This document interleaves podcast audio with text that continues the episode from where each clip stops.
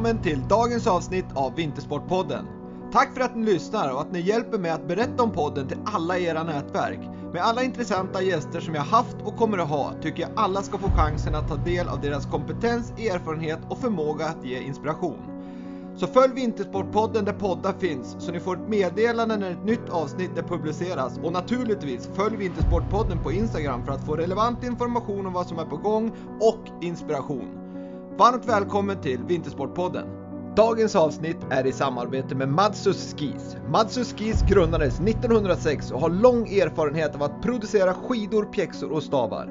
Med utveckling och produktion i längdåkningens mecka Norge och med kvalitet och noggrannhet i fokus tillverkar Madsus skidor, pjäxor och stavar i högsta kvalitet för alla åkare oavsett om det är nybörjare eller världselit. By the way, dagens gäst som dessutom är världens bästa i sin ålder och Sveriges stora framtidshopp åker med Madsus utrustning vilket han är nöjd och stolt över.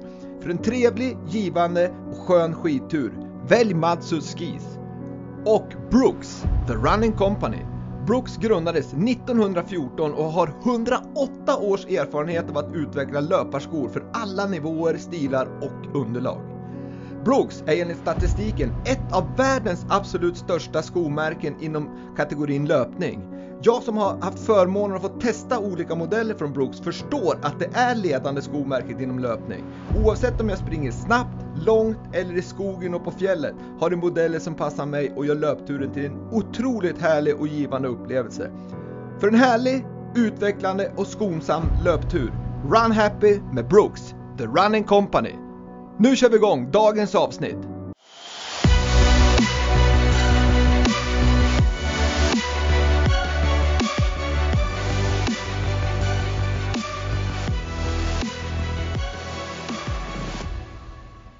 Dagens gäst i Vintersportpodden, Superlöftet och Svensk längdskidåknings framtidshopp. Varmt välkommen till Vintersportpodden, Alvar Mylback.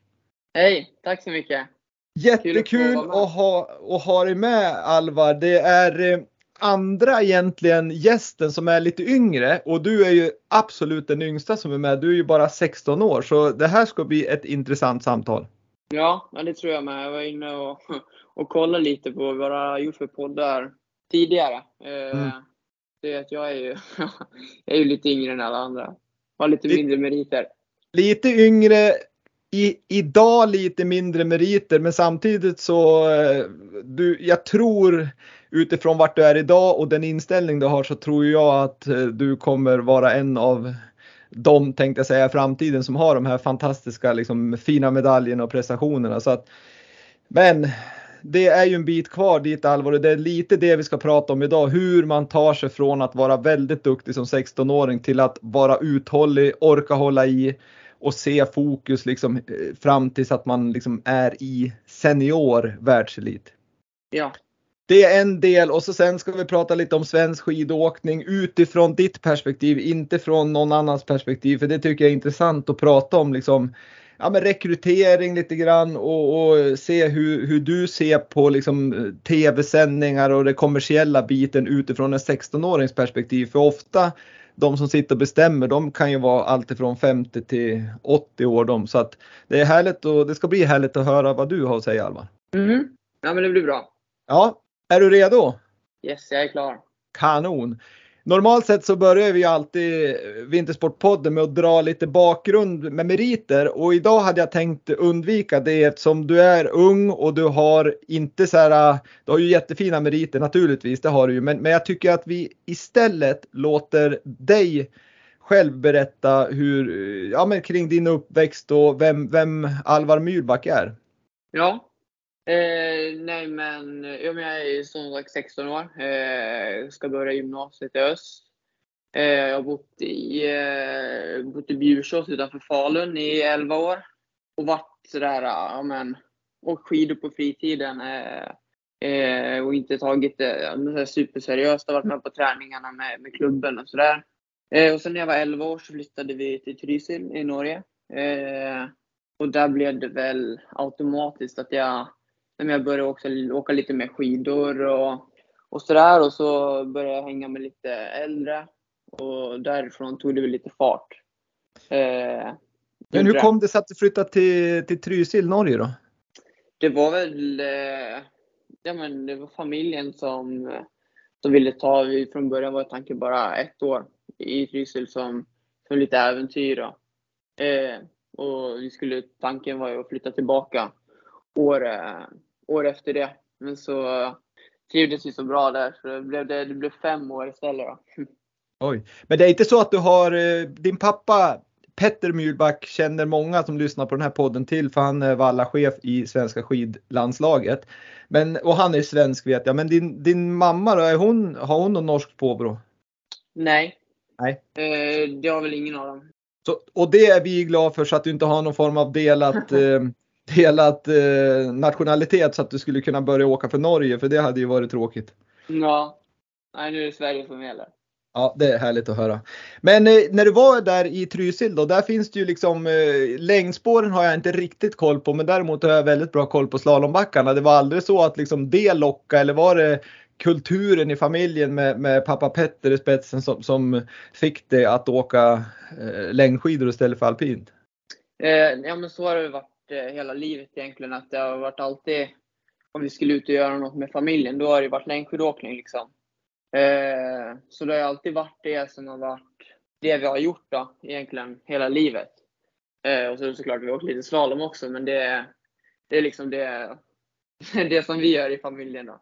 Eh, men, men, men har du hållit på, jag tänkte du, du sa att du var, du var, om jag får säga bara, vilket jag tycker det är härligt att du, du lekte skidor, du, du åkte mycket skidor men du kanske inte åkte så mycket i klubben där när du var mindre. Men höll du på med några andra idrotter på, på sidan om eller har det alltid varit bara längdskidåkning?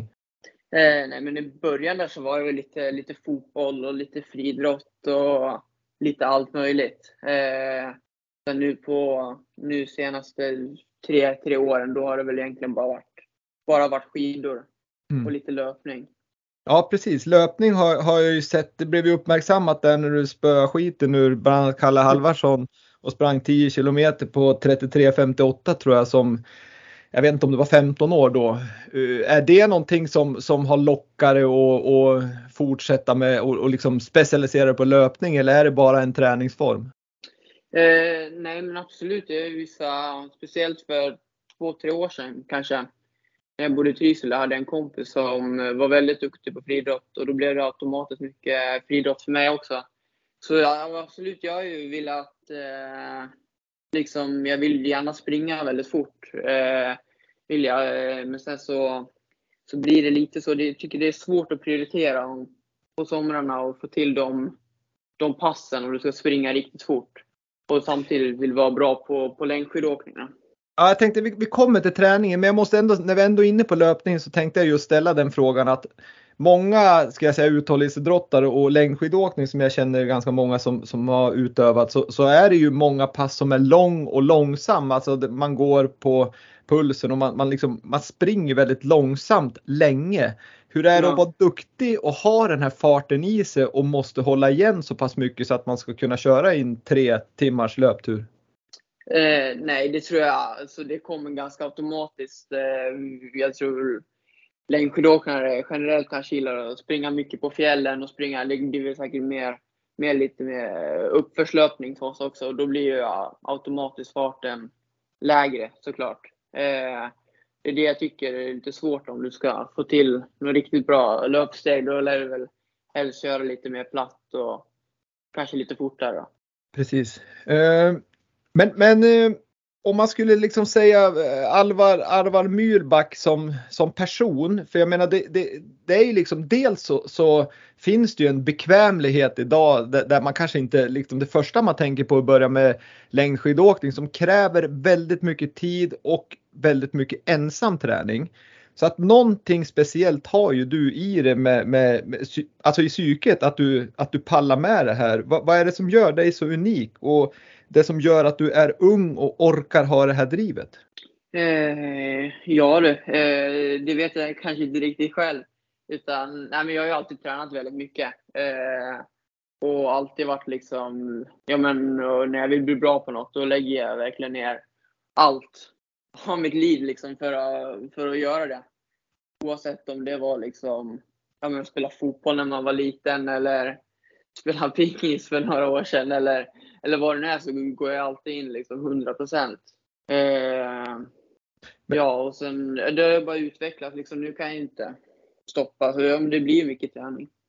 Jag tänker på om vi, om vi glider in lite grann mot, mot, eh, mot träningen efter. Eh, jag ska ställa en fråga till bara för att när man pratar om, om dig Alvar i, i media, i tidningar och tv och, och så vidare och, och liksom följer dig, då, då, då, då framstår ju du som, eh, som jag sa inledningsvis, som, som superlöftet som är svensk skidåknings framtid och, och, mm. och, jag menar du är 16 år och du jämför som jag sa med, med Northug, Svan, Kläbo, Vasper och så vidare. Men hur känner du för det? Är det liksom, känner du bara inspiration och glädje eller kan du också känna en viss här press och att du får prestationsångest och, och, och måste hantera det på något vis? Eh, nej, det tycker jag faktiskt inte. Jag tycker att det är kul att, eh, att det liksom uppmärksammas lite och ja, men jämförs med, med de riktiga stjärnorna. Då. Eh, och sen är det ju såklart att det finns en viss press på mig. Men jag försöker försöker lägga bort den och liksom, jag tror den största pressen som jag har på mig är, är liksom den jag har på mig själv. Då. Jag förstår. Och, och det, det, det låter ju liksom för mig låter det härligt om, om, om du pratar sanning. För, för någonstans så vill jag ju absolut inte. Det har ju varit mycket diskussioner om det här i media när unga är väldigt duktiga och, och, och, man får komma in i seniornivå tidigt och så vidare. Och så kanske man inte mår riktigt bra för att det blir sån stor press på, på en. Så att där tror jag, om, om jag får göra en sån här liksom amatörråd så är det ju just det du säger att, att åk för dig själv och, och liksom verkligen ha det inre drivet att det är du som vill det här. Det, det tror jag är jäkligt viktigt. Mm. Ja, men, men så, så är det. Ja, för jag, jag, jag, jag lyssnade på en intervju med, med, din pappa bland annat som, som fick den här frågan om, om just vem är det som driver på han och, och han var väldigt tydlig med att liksom kärnkraftverk eller drivkraften kommer verkligen från Alvar själv. Och, och, och det, det, du är en sån person som, som verkligen driver på själv. Ja, ja men så är det. Det, är ju något inre liksom som, som drar ut den hela tiden. Det är väl liksom vilja att man liksom verkligen vill bli bäst och som drar ut den på träning dag, dag in och dag ut och vecka efter vecka. Liksom. Eh, så, har det så, så har det alltid varit. Liksom.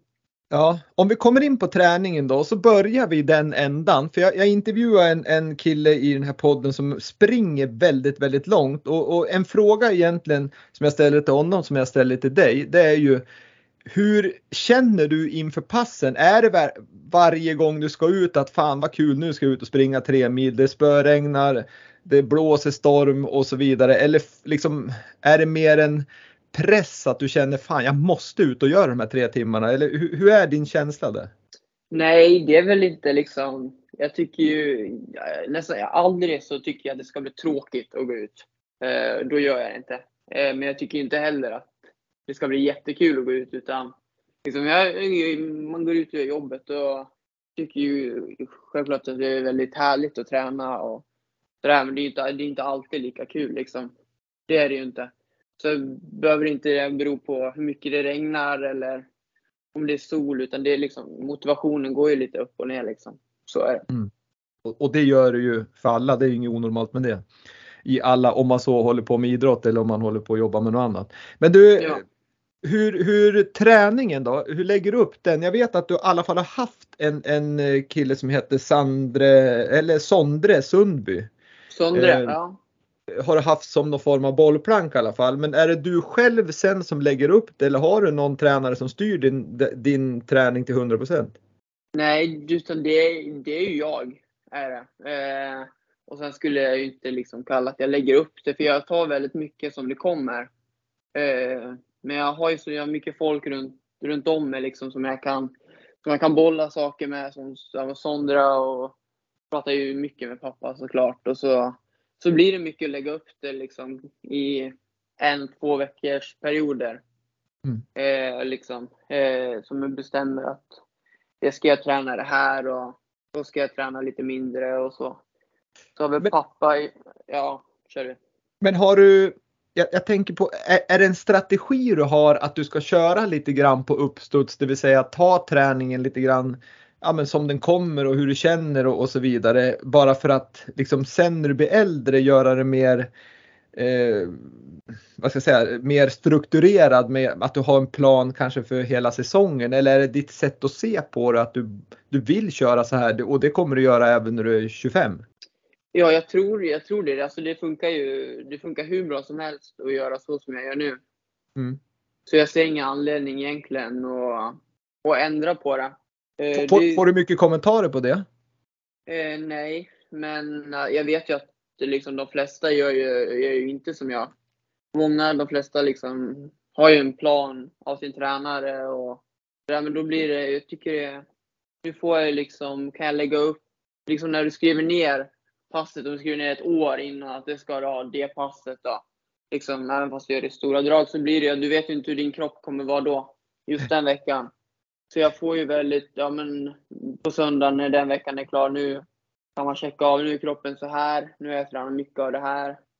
Behöver benen avlastas eller ja men vad som helst kan jag liksom utifrån hur kroppen är just på det tidpunkten. Mm. Och, och det är, på något vis är det också härligt att höra att att eh, det är ju inte så jättestor att göra som, göra som alla andra gör för då blir det ju kanske bara lika bra som dem. Det, det är ju viktigt på något mm. vis att hitta sin grej och, som passar en för att gå sin egen väg om man, om man skulle säga så.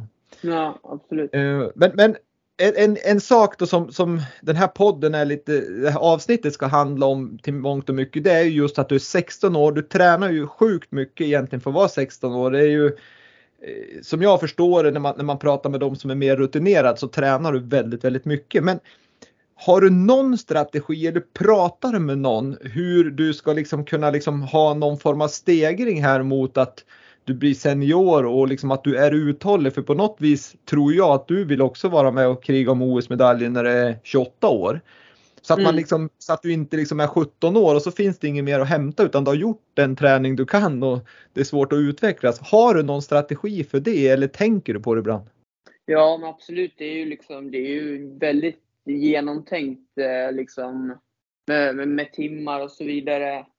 Eh, jag, jag kommer kunna ha en väldigt liksom, fin ökning fram tills jag liksom, är mina bästa år. Då. Mm. Och sen så liksom, sen till en viss grad, oavsett hur gammal du är, så kan du inte öka mer. Du mm. kommer till ett ställe där inte kroppen klarar mer. Mm. Eh, och då, jag menar liksom, ja men Martin Sundby ökade ju inte liksom efter varje år, utan du kommer till en gräns och så, och så ligger man där. Och det kanske kan bli till och med när man blir äldre att man minskar lite grann för att kroppen säger någonting och, och att man kör mer kvalitativ träning än, än när man ja. är 20. Men, men just, just det där är intressant. Dels det du säger tycker jag, för det är viktigt någonstans tror jag ha en stegring i träningen för att liksom ha en utveckling och så sen måste man ju ha någon form av balans också för att tränar man bara och bara och bara nu när du är 16 så, så kanske man kan bli less och det är viktigt också att man inte blir utan du, du ska ju tycka fortfarande att det är okej okay när du är 25 liksom så att har du någon balans om jag får säga i livet där att du kan hitta på någonting annat också? Ja, men det är ju som du säger, jag startade ju liksom, om du tar den där trappan då, eller stegen, eh, så startade jag ju såklart väldigt högt upp och som väldigt ung eh, och har redan liksom ja, klättrat ganska mycket där. Eh, då, det är ju viktigt att, att ha andra grejer också i livet såklart, annars så tror jag det blir väldigt fyrkantigt och tråkigt. Eh, och sen liksom tröttna, det kan du göra om du tränar 200 timmar i året också. Så det tror jag inte jag kan styra så mycket över. Men känner du någon oro nu då? När du, nu har du ju liksom levt eh, hemma i Bjursås, du går i nian och du ska flytta till Torsby och börja på skidgymnasium. Hur, hur, liksom, hur ser du på det? Finns det någon oro att du kommer in på skidgymnasium och så blir du styrd av tränarna där och måste liksom in i ett fack? Eller har du en bra dialog där och, och liksom har förklarat din situation? Mm. Nej men vi har, eh, ja, men vi har väldigt bra dialog och vi, vi förstår varandra absolut. Så det, det, det är inga problem. Eh, jag kommer liksom kunna, kommer kunna sköta mitt och samtidigt vara med, vara med dem. Då. Ja men det låter ju bra för att där är det nog lite lätt annars att man hamnar och så ska alla köra lika och det, det jag förstår att det kan vara så på ett skidgymnasium men samtidigt så kan det vara lite svårt liksom det vi pratade om tidigare att alla ska göra lika för det passar kanske inte Mm. alla att göra lika. Så att det, det, det eh, låter jättebra det verkligen. Men, Ja. eh, men sen har du ju eh, några saker som har varit lite som uppseendeväckande i, i media som, som har, som har alltså positivt, ur positiv bemärkelse. Det är ju att du liksom har kört träning med, med bland annat ryska landslaget där i Torsbytunneln. Mm. Och, och de var ju liksom jäkligt imponerad av din unga ålder och att du ändå hängde med sådär. Hur, hur liksom, eh, för det första, hur kommer man in och få träna med ryska landslaget som, som vad du nu var, 14-15 år? Ja, äh, det ska jag nog, eller det är nog mycket pappas förtjänst. Eh, det är det nog, eh, tror jag. Sen så har jag ju liksom alltid sen, sen jag var, ja men sen jag var kanske 12 år, har jag alltid trott mycket på att jag ska omge mig med folk som är bättre än mig själv. Eh, som kan ge mig riktigt mycket stryk på träning. Så jag har ju ända sen, ja men jag var 12 år liksom tränat med skidgymnasium och och alltid försökt att träna och omge mig med folk som är bättre än mig själv. Mm.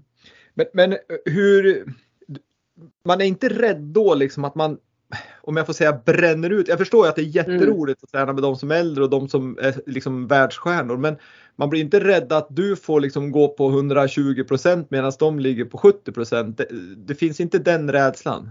Jo, självklart, du måste ta det. Du måste ju även där stegra eh, liksom lite lagom. Men sen tror jag liksom att du ska, om jag nu till exempel liksom skulle träna med ja men Kalle då i, i Sågmyra, då skulle jag till slut få in den farten liksom som han har, även fast jag inte är med och kanske kör alla hans distanspass och åker i hans distansfart och, eh, och sådär. Och så liksom har det ju varit, ja men när jag tränar med skidgymnasium eller tränar med Team Bygder, då, liksom, då får in deras, deras tröskelfart och du kommer liksom, du, ja man går upp en nivå då, på något sätt. Ja, jag förstår det och jag, på något sätt så tycker jag det ju är, är liksom riktigt för att jag menar det är ju så. Tränar med dem som är bättre så är det klart att, att man höjer sig. Men en intressant, en intressant frågeställning där som är ganska liksom en het eh, puck inom idrott generellt. Det gäller absolut inte bara skidåkning utan det gäller ju hockey och fotboll och ja men allting. Det är ju just det här med om man ska liksom se allting från ett åldersperspektiv eller om man ska se det till vilken nivå man är på som individen är på just för tillfället. Och, och då tänker jag lite grann på i vintras bland annat så var du med i en tävling och, och, du vann den tävlingen men egentligen fick du bara åka 21 kilometer medan den här tävlingen var 30 kilometer och du vann ju den Mm. men du blev diskad för att du inte fick åka 30 kilometer för du var för liten. Ja. Men, men någonstans där, hur, hur ser du där på synen mellan ålder och nivåanpassad eh, träning och tävling? Eh, nej men jag tycker ju såklart att eh, du ska få tävla med dem du förtjänar att tävla mot. Eh, och så, så ska det ju såklart liksom finnas någon gräns eller vad man ska säga. Liksom, inte köra liksom helt skiten ut av de som är jätteunga. Eh, men jag tycker liksom i alla fall när man, när man visar så mycket och att du vill eh, att du vill tävla med de som är äldre, då förstår jag inte varför man liksom inte skulle få det.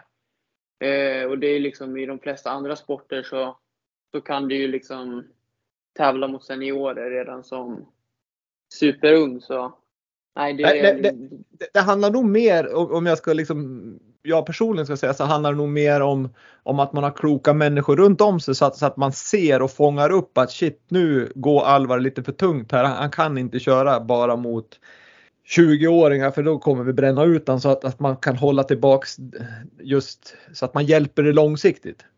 Mm. Ja, absolut. Jag är ju liksom, det hade inte gått och, och satt mig liksom jag hade hoppat av skolan och, och börjat satsa fullt ut. Då är jag ju liksom fortfarande ja, men säkert en vanlig 16-åring. Liksom. I alla fall ganska normal 16-åring liksom, i hjärnan och, och sådär, även fast jag inte är det fysiskt. Nej, det, det är jättehärligt att, att, att följa dig och, och, och läsa om det och se din framfart för det är ju Eh, det är så himla kul när, när, vi, när vi liksom fångar upp duktiga åkare som, som dessutom då har den här som jag tycker du har, du liksom en ödmjuk kille som, som har en långsiktig plan och verkligen vill det här. Det, det är ju fantastiskt härligt. Det.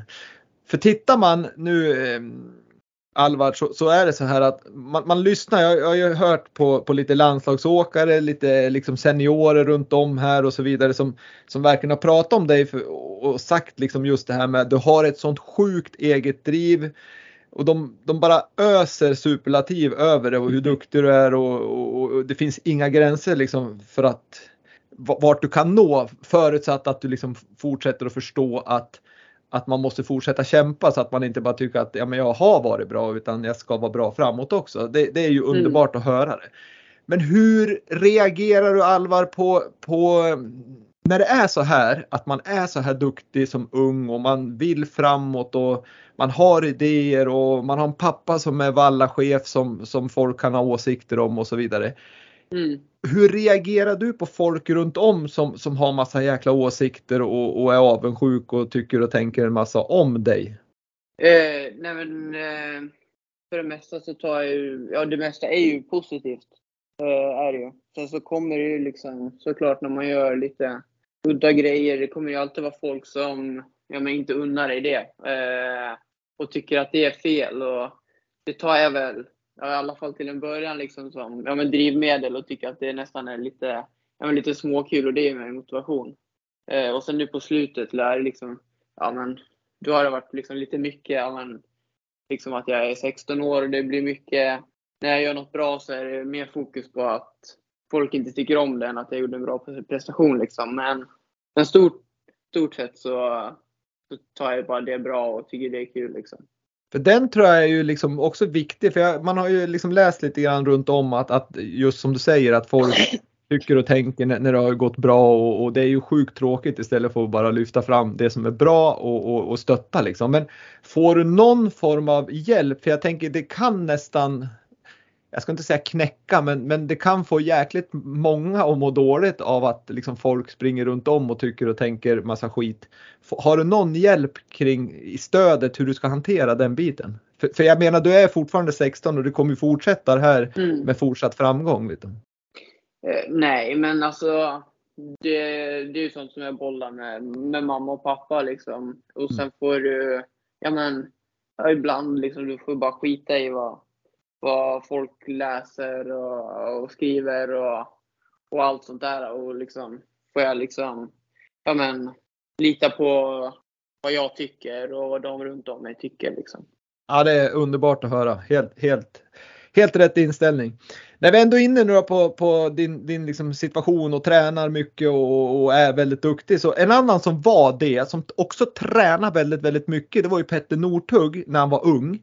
Han gjorde mm. ju lite grann samma resa även om du kanske tränar ännu mer än vad han gjorde. Men, men lite liknande, liksom, han var duktig, han tränade mycket och han blev väldigt, väldigt duktig.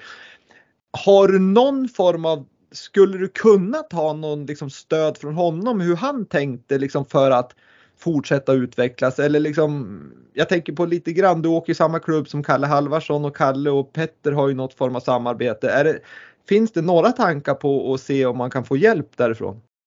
Eh, ja, men det hade ju säkert varit jättenyttigt att, att prata med han. Han kan ju liksom, han har ju fått väldigt mycket skit och mycket kritik för det han gör liksom upp genom åren och tränat väldigt, väldigt mycket redan som barn och, liksom, och hållit i det.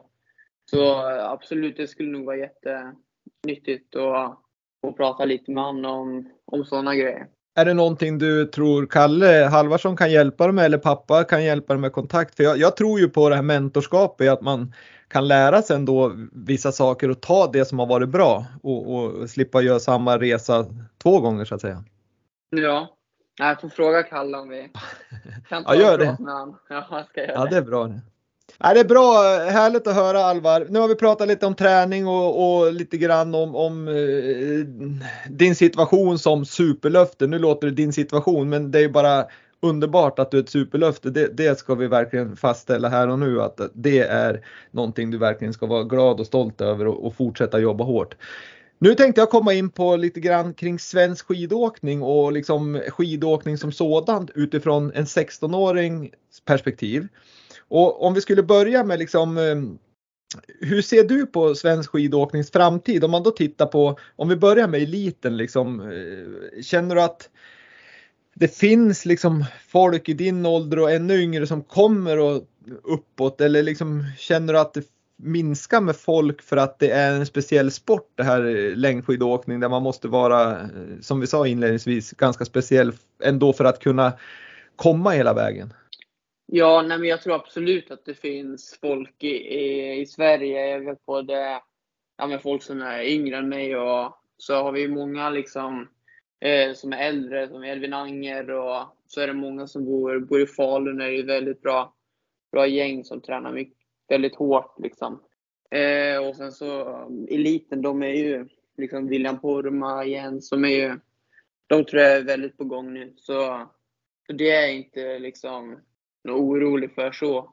Sen tror jag såklart liksom inte att den jag säga, mentaliteten som liksom svensk skidåkning eller skidåkning överhuvudtaget tror jag inte liksom kanske hjälper kanske speciellt unga liksom så mycket att börja, börja med längdskidåkning.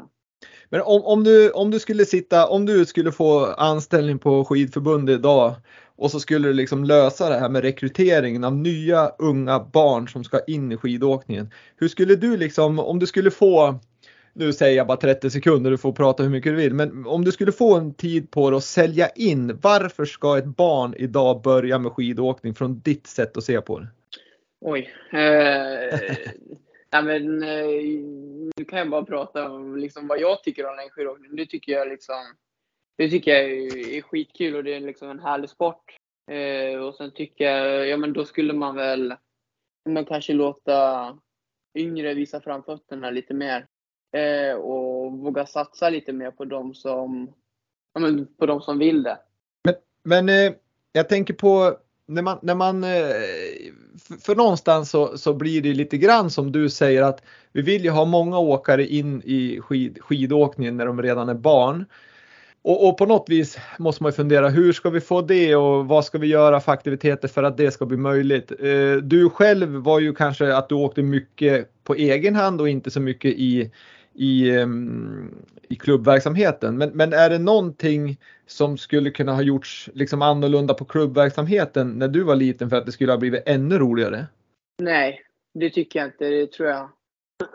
Man ser väl liksom klubbarna det det verkar funka väldigt bra. Ja. Eh, men så är det väl kanske lite det att du, det är liksom uppgjort lite att eh, även fast du är 10 år så ska du fortfarande liksom, ja men, eh, köra doppboll och sådär. För man får inte köra intervaller för då, då kan man bli eh, tröttna på det och sådär. Så det kanske inte liksom på något sätt, jag vet inte, kan strypa, strypa glädjen liksom för de som faktiskt vill göra bra jobb och liksom verkligen vill satsa på det. Och det där är ju svårt för det, är är likadant med, med massa andra idrotter att det gäller ju att hitta nivån för vissa vill köra doppboll och vissa vill köra intervaller. Och någonstans där tror jag ändå att man måste försöka hitta någon så här Ja naturligtvis ska man göra det som är bra för individen och, och så att man får många att tycka det är kul. Men samtidigt så kör den som verkligen vill det, Alvar Myhlback, får han köra doppboll då kanske det är risk att han slutar likväl som en som vill köra doppboll kör intervaller med dig, då vill den sluta. Så att där tror jag att det är viktigt kanske att man hittar den här nivåanpassningen istället för åldersindelningen. Det är mm. någonstans det jag kanske tror. Men, men en annan intressant fråga kring, kring sporten och hur den växer, men även hur, utifrån ditt liksom, varumärke. Hur ser du på det kommersiella liksom rent så här jag menar traditionellt så är det en filmkamera i skogen och man filmar åkaren och det är stora produktioner. Men nu så finns det ju så liksom, du har smidiga kameror, du har mobiltelefoner, du lägger ut på Youtube eller på Instagram och så vidare. Hur, hur, liksom, hur tror du det påverkar liksom sporten och, och har en längdskidåkare stor fördel av det här eller inte? Eh, ja, jag skulle väl kunna säga att men skidåkare skulle väl kunna utnyttja eller nyttja det lite bättre i alla fall för att liksom, ja, men få, få fler intresserade. Eh, men ja, det är klart att det, att det hjälper. Men hur skulle du... så många.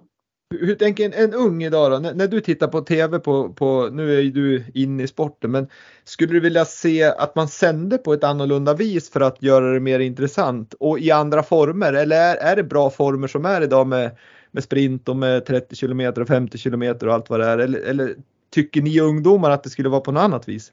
Nej, det, det tror jag inte.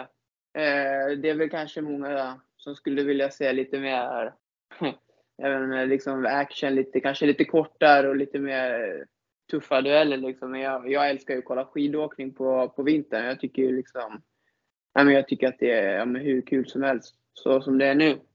Nej, men jag tror, sen, sen, vet jag inte, tittar man med de här gamla killarna som, om man tar till exempel eh, Södergren som skulle ha varit OS och VM-medaljör i alla discipliner om det hade varit eh, singelstart eller liksom intervallstart, alltså var 30 sekund. För han, han var ju alltid en, han var ju duktig på det medan han var ju mindre liksom duktig om man får säga så då på när det var start.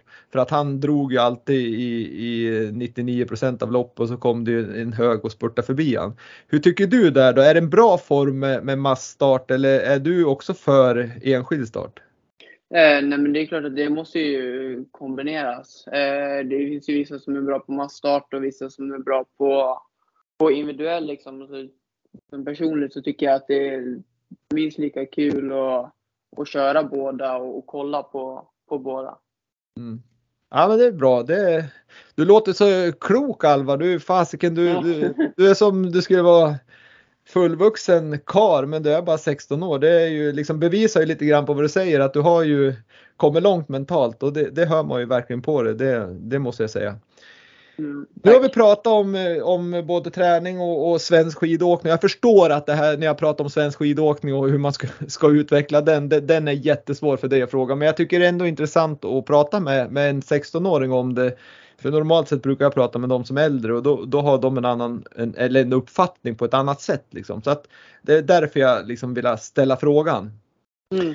Men nu ska vi komma in på, du, du, du åker ju för Sågmyra idag eh, tillsammans med Kalle Halvarsson. Du var ju till och med och vann med, med en, gam, en annan stor åkare, Theodor Pettersson, vann du ju silver i sprint-SM här i seniortävling i, i våras. Det var ju också helt eh, imponerande. När, när Kalle inte kunde vara med så hoppade du in och så tog ni silver. Det var ju fantastiskt bra. Sen har du, ska jag säga, åkt för team, team Bygdö i Norge.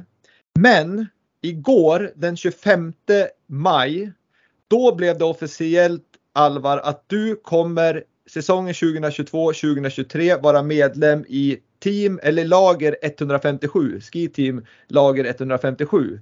Det är ju alldeles, alldeles färskt. Det, det, blev officiellt som jag sa igår. Kan du berätta om, om varför är du med i lager 157 och hur kommer det se ut? Jag tänker på det är ett långloppsteam det och du är 16 år. Ja, ja så är det. Ja, men det, blir, eh, ja, det är lite speciellt. eh, nej men det har väl eh, har väl alltid hängt lite med, med och runt lager. Eh, har varit med på någon träningstävling och, och lite sånt där. Och så nu på nu i vinter så har jag hängt lite mer med dem, varit med på något läger och så körde jag eh, Orsa Ski Marathon för dem. Eh, så har vi snackat lite nu, eh, nu på, på slutet av säsongen och ja, men vi, vi, liksom, vi, vi kör på det. Eh, så det blir, det blir väldigt spännande. Jag tror det blir väldigt, väldigt utvecklande. Tror jag. Eh, och sen hur det, det är ju fortfarande traditionellt som kommer vara huvudfokuset. Även fast jag tycker att det, det är väldigt kul att liksom staka och staka långt och vara med, försöka vara med på lite långlopp nästa år. jag, tänker, jag tänker på det, kan det här ha någon inverkan på liksom din, om man säger traditionella skidåkning? För att pratar man med de här långloppsåkarna som, som är renodlade lång, långlopps, långloppsåkare så de tränar ju nästan uteslutande bara mm, stakning de, rakt upp mm. och ner. Och ser du att du kommer staka alla lopp eller kommer du köra liksom med fäste? Eh, absolut, jag, jag älskar ju diagonaler liksom, så de, de banorna som det krävs att ha fäste så kommer jag ha fäste såklart. Eh, men jag tror att det kommer vara väldigt utvecklande för min, eh, för min eh, traditionella karriär Mm. också. Jag tror ju liksom att ja, men, stakning är ju lite framtiden. Även på, på det traditionella. Eh, och sen liksom försöka vara med på, på så mycket långlopp som jag, som jag kan vara nästa år. Och, och ungefär då, är det liksom, är det 50-50 som du kommer åka eller kommer du liksom, hur är planen där? Kommer du fokusera på traditionella eh, tävlingarna eller kommer du liksom, eh, du, du känner att det ge, gör ingenting om du hoppar över en traditionell tävling för att köra långloppstävlingen? Det kommer, alltså, första prioritet kommer ju vara traditionellt. Ja. Kommer det, eh, och sen de gångerna det, det liksom passar in bra, då, då kommer jag kunna komma på långlopp också. Mm. Så det blir väl, jag skulle tro att det blir någonting i början av säsongen och så blir det säkert någonting i slutet. Eh, skulle jag tro. Och sen så Ja, men- kommer det såklart bli, få vara med i den träningsgruppen och få vara med på läger och sådär kommer det bli, kommer vara jätteutvecklande tror jag. Ja, men det låter ju jäkligt eh, som en, det, det måste vara första gången och framförallt den yngsta åkaren som någonsin varit med i ett sånt här team. Ja, ja det är lite speciellt eh, liksom eh, att vara 16 år och vara med på liksom, ja, men ett långloppsteam där det är liksom kanske där de flesta är lite äldre. Eh, men så ser jag också att där kommer jag få vara med och köra liksom, ja men långlopps världscupen då, eller liksom om du, om du förstår vad jag menar. Jag kommer få köra mot de bästa, bästa i världen mot, eh, i långlopp. Så det tror jag också kommer vara liksom, ja men det kommer ge mycket motivation och att jag får köra med dem. Ja, men kommer du vara med dem i sommar också på, på deras läger och, och liksom förbereda säsongen tillsammans med, med team Lager 157? Ja, eh, absolut. Så det kommer väl bli att det blir mycket stakning och mycket långloppsfokus när jag är med dem. Det kommer vara en gång i månaden ungefär och sen emellan där så, så kommer det vara mest liksom traditionellt eh, fokus. Ja men det där blir ju jätteroligt att följa och vilken härlig nyhet som Vintersportpodden fick kanske nästan först med att få en intervju med, med dig i teamet här eftersom du blev officiellt igår den, den 25 maj. Så det, det var jag väldigt tacksam för. Men, men du jag tänker på en, en sak som, som jag måste reda ut här och det tror jag många lyssnare funderar på nu när vi kom ut med det här härliga beskedet. Det är ju liksom eh, det har ju stått ganska mycket i tidningarna om att under säsongen nu så som jag sa tidigare också så, så blev du diskad för att du inte får åka längre än, du får inte åka över 30 kilometer. Men Mm. eh, jag menar ska du åka Vasaloppet för lager 157 så är det 90 kilometer. Har, liksom, har reglerna ändrats? Är det andra regler inom, inom långloppscupen eller, eller har du blivit äldre och att du får, du, du tillåter nu att köra det här? Eh, nej men det har varit, ja, just i år så har jag varit eh, fortfarande ungdom. Eh, Ja. Och därför har det varit mycket problem med, liksom, just med det. Så nästa år blir jag junior och då kommer väl mycket av de problemen vara borta tror jag. Och jag kommer få tävla i princip det jag vill. Nu kanske just eh, Vasaloppet är ett undantag. Det tror jag man måste vara 18 för. Men det andra i, i Visma Ski Classic tror jag jag kommer kunna få vara med på. Ja men vad kul, det, det, det ser vi verkligen fram emot. Men har du fått någon, liksom, när du skrev på det här pappret med, med teamet här, har du fått någon roll där? För man har ju ändå, följer man det här så, så finns det ju liksom lite grann att man hjälper varandra och någon drar och någon ska vinna och hej och. Men ha- vad är din Mm. roll här? Har du fått någon, du ska alltid dra till, till någon i, i teamet eller liksom har du fria tyglar? Eh, nej, men det kommer väl, det är liksom ingenting som man bestämmer nu, utan det kommer väl utkristallisera sig lite liksom in mot säsongen, vem som är starkast. Och, och så är det ju olika upplägg och planer inför, inför varje lopp. Då. Eh, men sen så är jag ju liksom, jag är långt ifrån stjärnan i laget, så jag skulle väl, om jag skulle få gissa så kommer jag säkert få liksom, jobba lite, liksom, mycket för de andra i laget. Då. Men det är bara att visa första tävlingen vem som, vart skåpet ska stå så är det ju de som får jobba för dig sen. ja, kanske det. Ja. Nej, det är jättehärligt att höra och det var verkligen en rolig nyhet att du, du har signat för, för, för långloppscupen och lager 157 och, och eh, jag ska önska dig all lycka i, i den satsningen. Men jag hoppas och jag vill att du ska fortsätta och din satsning med det traditionella också så att inte någonting händer där i kurvan så att den viker neråt. Det får du lova mig. Absolut. Ja, det är bra. det är bra. Hörru du, nu har vi pratat ett tag här och, och jag känner någonstans att jag har kommit till ett läge där jag har pratat om ganska mycket. Jag brukar ha många ämnen och sådär för att jag blir så inspirerad när jag pratar med er gäster så att jag, jag, jag vet inte hur jag ska avgränsa mig. Men, men hur känner du Alvar? Har, har vi haft en bra, ett bra samtal eller är det någonting du vill tillägga? Det tycker jag. Du har fått till ett bra snack. Ja, härligt. Det låter bra. Så innan vi slutar nu, då ska vi ha två stycken eh, lyssnarfrågor och så sen ska jag avsluta med den generella frågan. Och vi börjar med lyssnarfrågorna och, och den första den är så här helt enkelt och nu blev han ännu mer liksom, vad ska jag säga, het när du, när du har gått in i det här långloppsteamet och, och egentligen är frågan vilken tävling skulle du helst vilja vinna i framtiden? Och då blir det ju liksom, skulle du hellre vilja vinna eh, Vasaloppet än ett OS-guld till exempel? Men kan du berätta lite om det? Eh, då, ja, då rankar jag nog ett OS-guld högre. Gör jag. Eh, och, och VM, eh, VM-medaljer och sådär. Ja. Och vilken disciplin eller vilken distans är det som du liksom är din så här, jag skulle verkligen vilja vinna 50 kilometer skate eller någonting? Oh, det är så svårt när jag inte har tävlat på varken 15, 15 30 eller 50. Ja, men jag tänker så... när du sitter och tittar där, då, när, vilken, vilken, distans tycker du är liksom nu den här tävlingen när jag tittar på OS med de här storfräsarna. Vad är det då som liksom verkligen så väger tyngst för dig? Eh, men eh, OS-guld fem mil då. Ja, ja det låter ju som så här. Ja, det skulle nog jag välja om jag fick den frågan. Nu kommer jag inte ja. få den frågan, men jag, hade jag fått den så skulle jag nog ha sagt det också.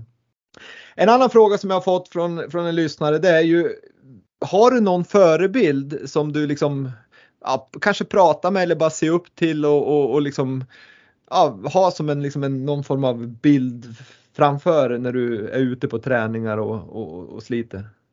Ja, men det har jag. Eh, absolut. Liksom, så är det liksom, jag ser upp till väldigt många liksom, som kanske bara ja, men som, ja, men som bor i Falun och som är lite bättre än mig. Som jag, som jag ser upp mycket till och liksom som, ja, men de vill jag eh, slå och liksom, så, så vill jag också åka. Liksom. Eh, och sen så är det ju såklart liksom, de legendariska liksom, som Petter Northug och eh, tycker Linn Svan är väldigt cool och, eh, och sådär. Ja men det, jag tror att det är bra, eller det är alltid bra att ha såna positiva förebilder som man kan både titta på och få inspiration av rent sportsligt men även kanske lite på sidan om hur de är som personer och hur de hanterar saker och ting. Så det, det mm. är nog väldigt viktigt det. Ehm, jag tänkte på en sak du sa där, jag vill åka som den här personen till exempel om du, om du säger en, en, någon åkare som är lite bättre än dig så vill du åka som den här och du sa tidigare att du själv är din egen tränare till mångt och mycket. Men när det gäller mm. tekniken då, hur, hur säkerställer du att du liksom jobbar rätt tekniskt om du jobbar mycket själv som tränare? Har du där en, en ett bollplank som filmare och, och, och där ni går igenom hur du ska sätta i stavar och, och ben och så vidare? Uh, nej, där tror jag det är väldigt svårt att, att vara sin egen uh, tränare i det. Uh, utan där är det väl, uh, där kan väl, om jag filmar något från ett pass så skickar jag ofta till Sondre och så kommer han med lite tips och, och, och sådär kan fråga pappa liksom också. Vad, vad tycker du om det här? Finns det liksom, ska jag sätta staven längre fram eller längre bak? Liksom, sådana saker. men Nej, skulle, skulle jag vara min egen tekniktränare då skulle jag nog inte utvecklas så mycket tror jag. Nej men det är, ofta blir det ju så för det är jättesvårt eh, många gånger. Alltså, speciellt tror jag när man är yngre när man kanske inte har lika Nej. mycket erfarenhet. Så att, eh, sen när du blir 25 kanske det är lättare att sätta sig och titta på en video när man har lite andra, ja men annan erfarenhet. Ja men så, så är det. Det är liksom, har jag kört ett pass och så har pappa filmat och så, så kollar jag på filmen efteråt och så tänker jag men shit vad bra. Mm. Så här, bättre än så här kan man liksom inte åka tänkte jag. Skickar jag till Sondre och så får jag en, en lång lista med grejer jag kan göra bättre på. Så. Ja, ja. ja, det där är ju också en konst som tränare liksom att man man, man ska ge liksom uh, feedback som, som någonstans, som du säger, på ett kanske ett, en som du tycker är väldigt, väldigt nöjd med hur du tog den här backen och så får du en lista på två A4 som, där du kan förbättra. Då, då blir man ju också mm. lite, kanske lite nedslagen på något vis. ja. ja, men det är väl det som gör att man får bättre teknik också. Ja, absolut. Så är det. Man, man måste ha den dialogen och, och kunna ta, eh, vad ska jag säga, feedback också på ett bra sätt så att man utvecklas. Ja. Hörru du, eh, sista frågan som jag ställer till alla som är med i Vintersportpodden. Den är enkel, den kan besvaras kort och den lyder så här. Kan du säga en framgångsfaktor för att lyckas med idrott? Ja, men då skulle vi vara, vara väldigt seriös och Ja. göra 100 procent om man, om man ska göra. Ja, det, det, liksom, det går. Det, jag skulle nog säga att det går inte annars. Det går ett tag att vara liksom, lite, köra lite rock'n'roll men, men på sikt så måste det vara full, full inställning och 100% på lång Mm. sikt för att, för att man ska liksom komma dit man vill. Så helt riktigt och det tycker jag bevisar lite grann kring din mognad Alvar. Det är härligt att höra och jag, Wille Bulin, är jätteglad och stolt att du har velat vara med i Vintersportpodden och jag önskar dig all lycka i både den traditionella och den långloppsserie du ska vara med i. Och sen måste jag också säga stort lycka till nu när du ska börja på skidgymnasium i Torsby. Tack så mycket. Det har varit väldigt kul att få vara med. Ja, super, verkligen. Vi ser fram emot eh, säsongen och få fortsätta följa det. Ja, det blir spännande. Ja, toppen. Ha det bra Alvar. Hej då. Hej hej.